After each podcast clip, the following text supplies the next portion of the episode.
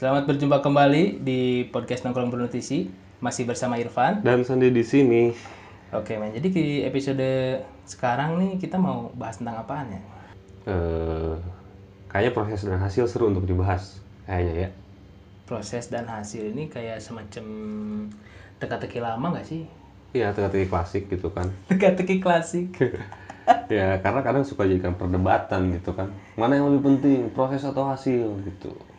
Ini tuh dulu kita sempat dapat kalau ini salah dari kita. Ingat nggak waktu kita kuliah dapat materi ini di salah satu kakak tingkat kita tuh?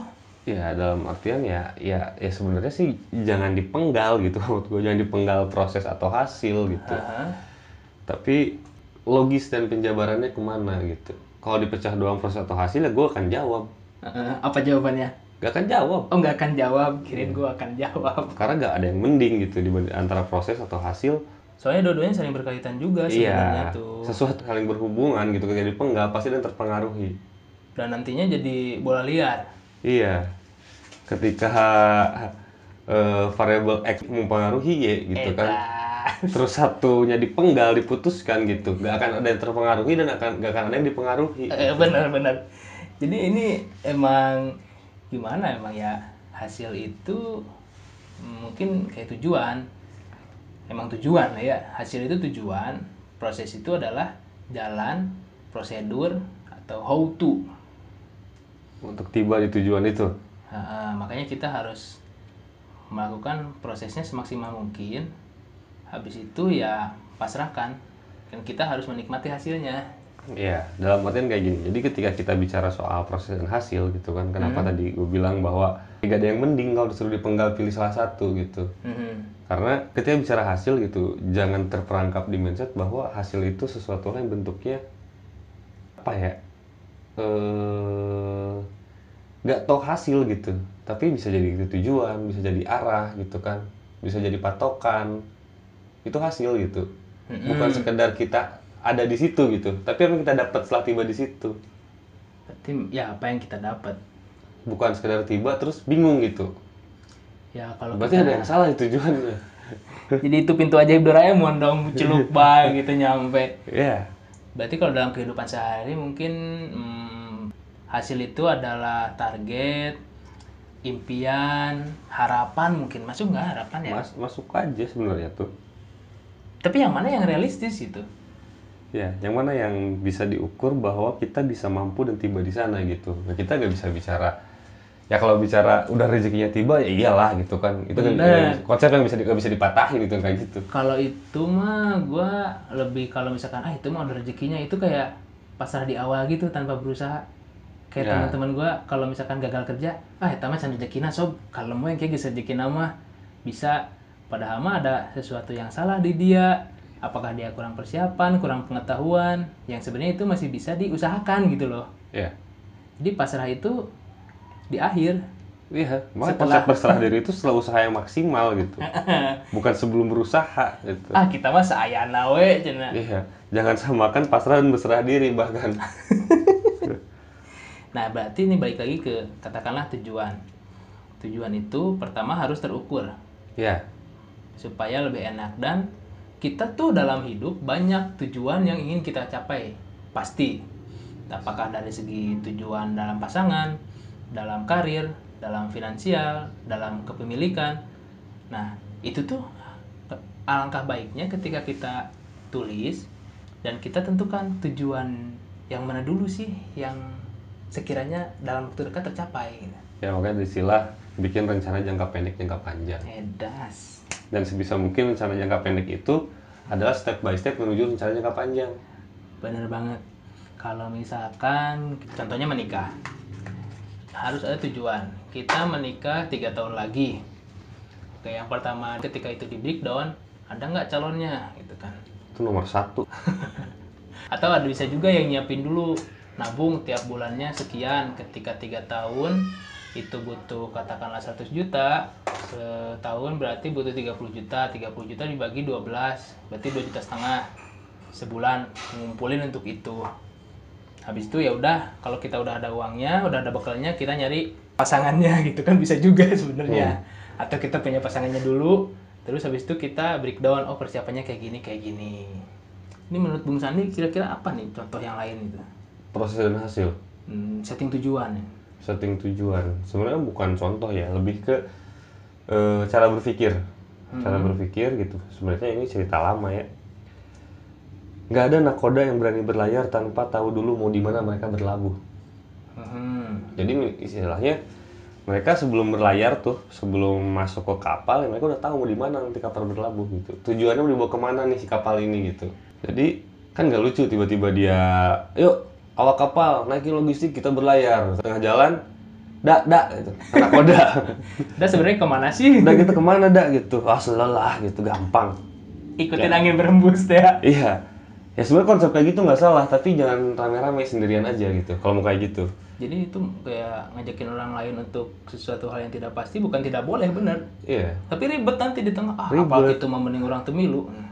karena dengan cara tadi si nakoda tadi ketika udah nentuin arahnya dia bisa nge-breakdown tuh Hmm. misal akan berlayar dari pulau A ke pulau B gitu kan dia bisa mengukur kan berapa lama kira-kira perjalanan berapa banyak logistik yang dibutuhin berapa banyak awak kapal yang dibutuhin termasuk bahan bakar dari lainnya itu bakal ngebantu nantinya tuh untuk tiba dengan cara yang ideal hitung kos dan lain-lain Hmm, Dan idealnya tiap orang kan beda-beda ya.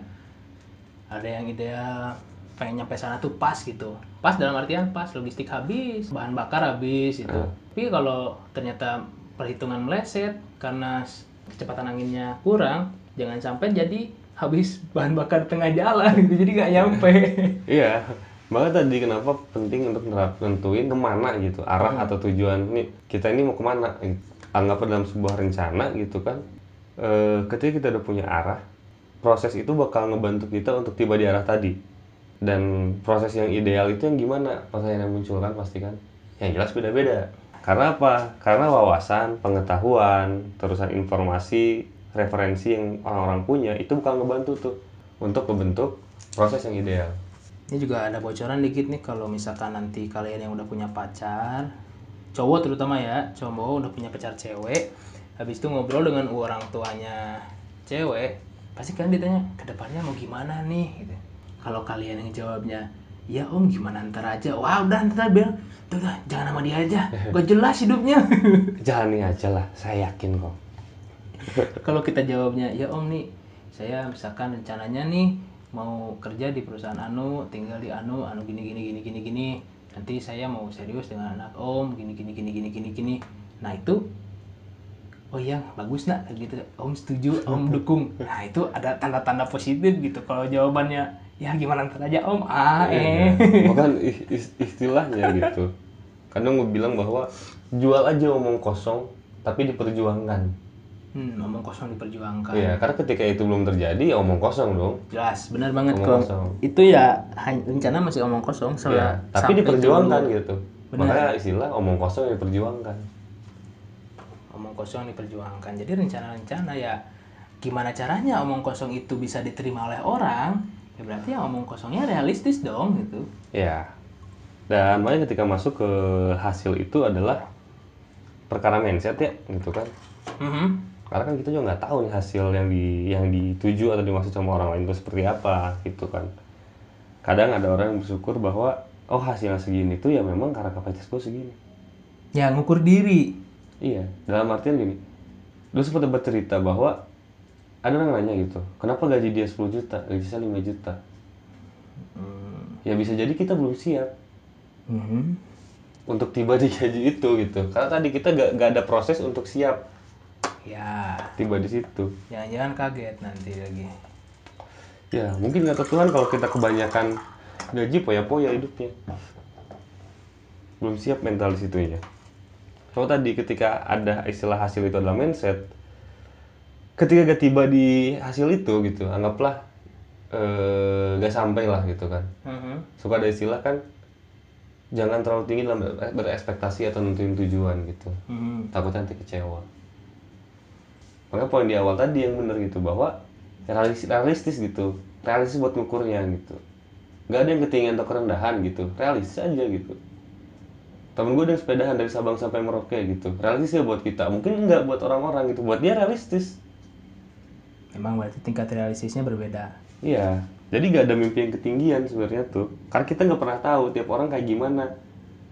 ngukur untuk itu real buat hidup mereka Oh iya nih ngomong-ngomong tentang tujuan ya, tentang hasil itu harus lebih akan lebih enak ketika tujuan itu dipatok waktu kali ya, ya emang iya kan? kasih durasi Kasih durasi. durasi yang ideal juga ya Oh jangan-jangan emang nggak sanggup tapi kita paksain aja Irfan punya Fortuner tahun depan. Kalau dihitung-hitung secara matematis, secara angka di atas kertas nggak akan nyampe sob gitu Iya. kan. walaupun hidup kadang nggak pakai mati matematika ya Eh, cuma kalau ngukur ya pakai aja dikit lah siapa tahu memang nanti saya menang Lotre. hadiah gitu kan menang lotre yang memang hadiahnya itu ciki ya itu mungkin saja terjadi berapa persen persentase kemungkinan itu terjadi tapi itu kan bukan berusaha namanya menggamblingkan diri dan akan lebih enak ketika mungkin ini tips-tips lah. Enak ketika itu tuh ditulis ya yes. Ditulis di sebuah tempat yang bisa kita lihat. Ketika kita udah capek ke satu titik kita lihat tulisan itu.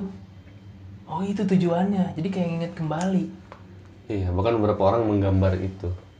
Untuk semakin memvisualisasikan tujuannya. Iya.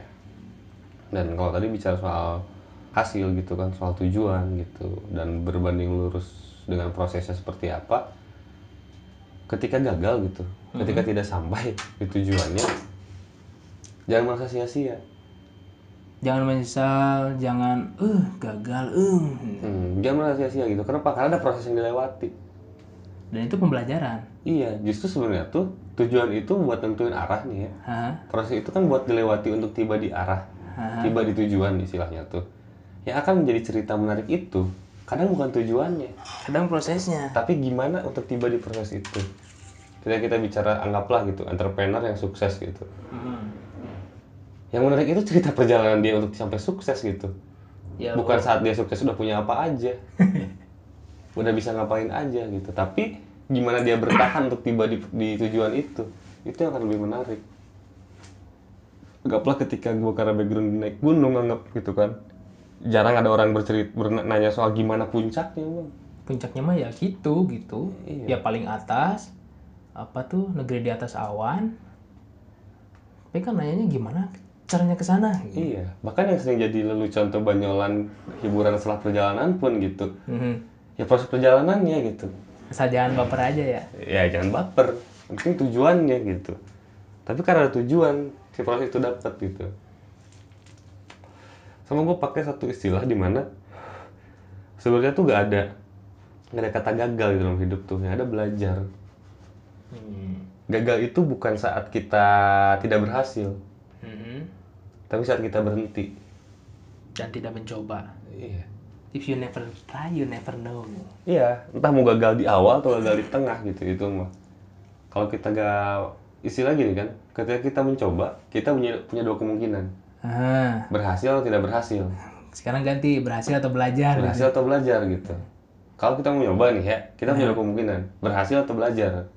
Tapi kalau kita gak pernah nyoba gitu kan kita gak nggak ada tuh belajar. kemungkinan berhasilnya. Mm-mm. belajar pun apalagi gitu.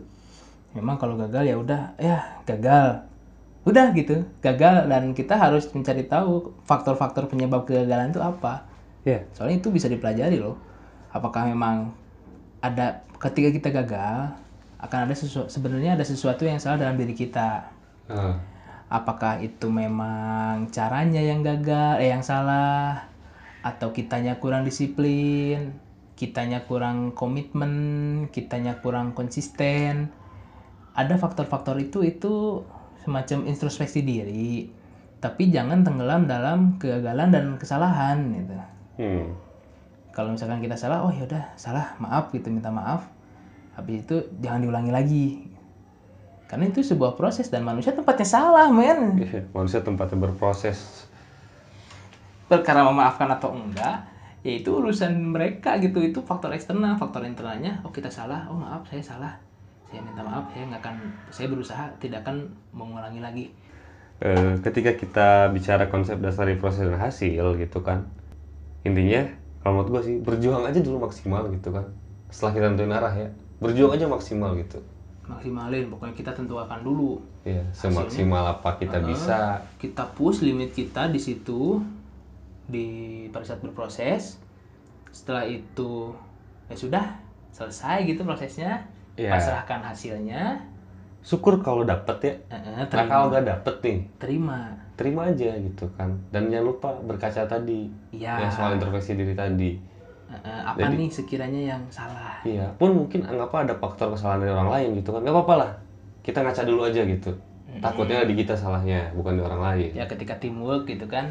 Ya gara-gara si Eta. Nah yang seperti itu jangan itu merusak iya tetap aja gitu. Coba ngaca diri kita apa yang kurang dari kita gitu. Minimal kalau ngevaluasi orang lain itu sulit gitu kan diri kita aja dulu gitu ya dan apa pun hasil yang nanti kita terima gitu kan perkara itu berhasil atau belajar Ha-ha. syukuri aja dulu.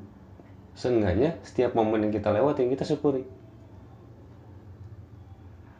Ini tuh memang bertolak belakang dengan peribahasa lama. Hmm.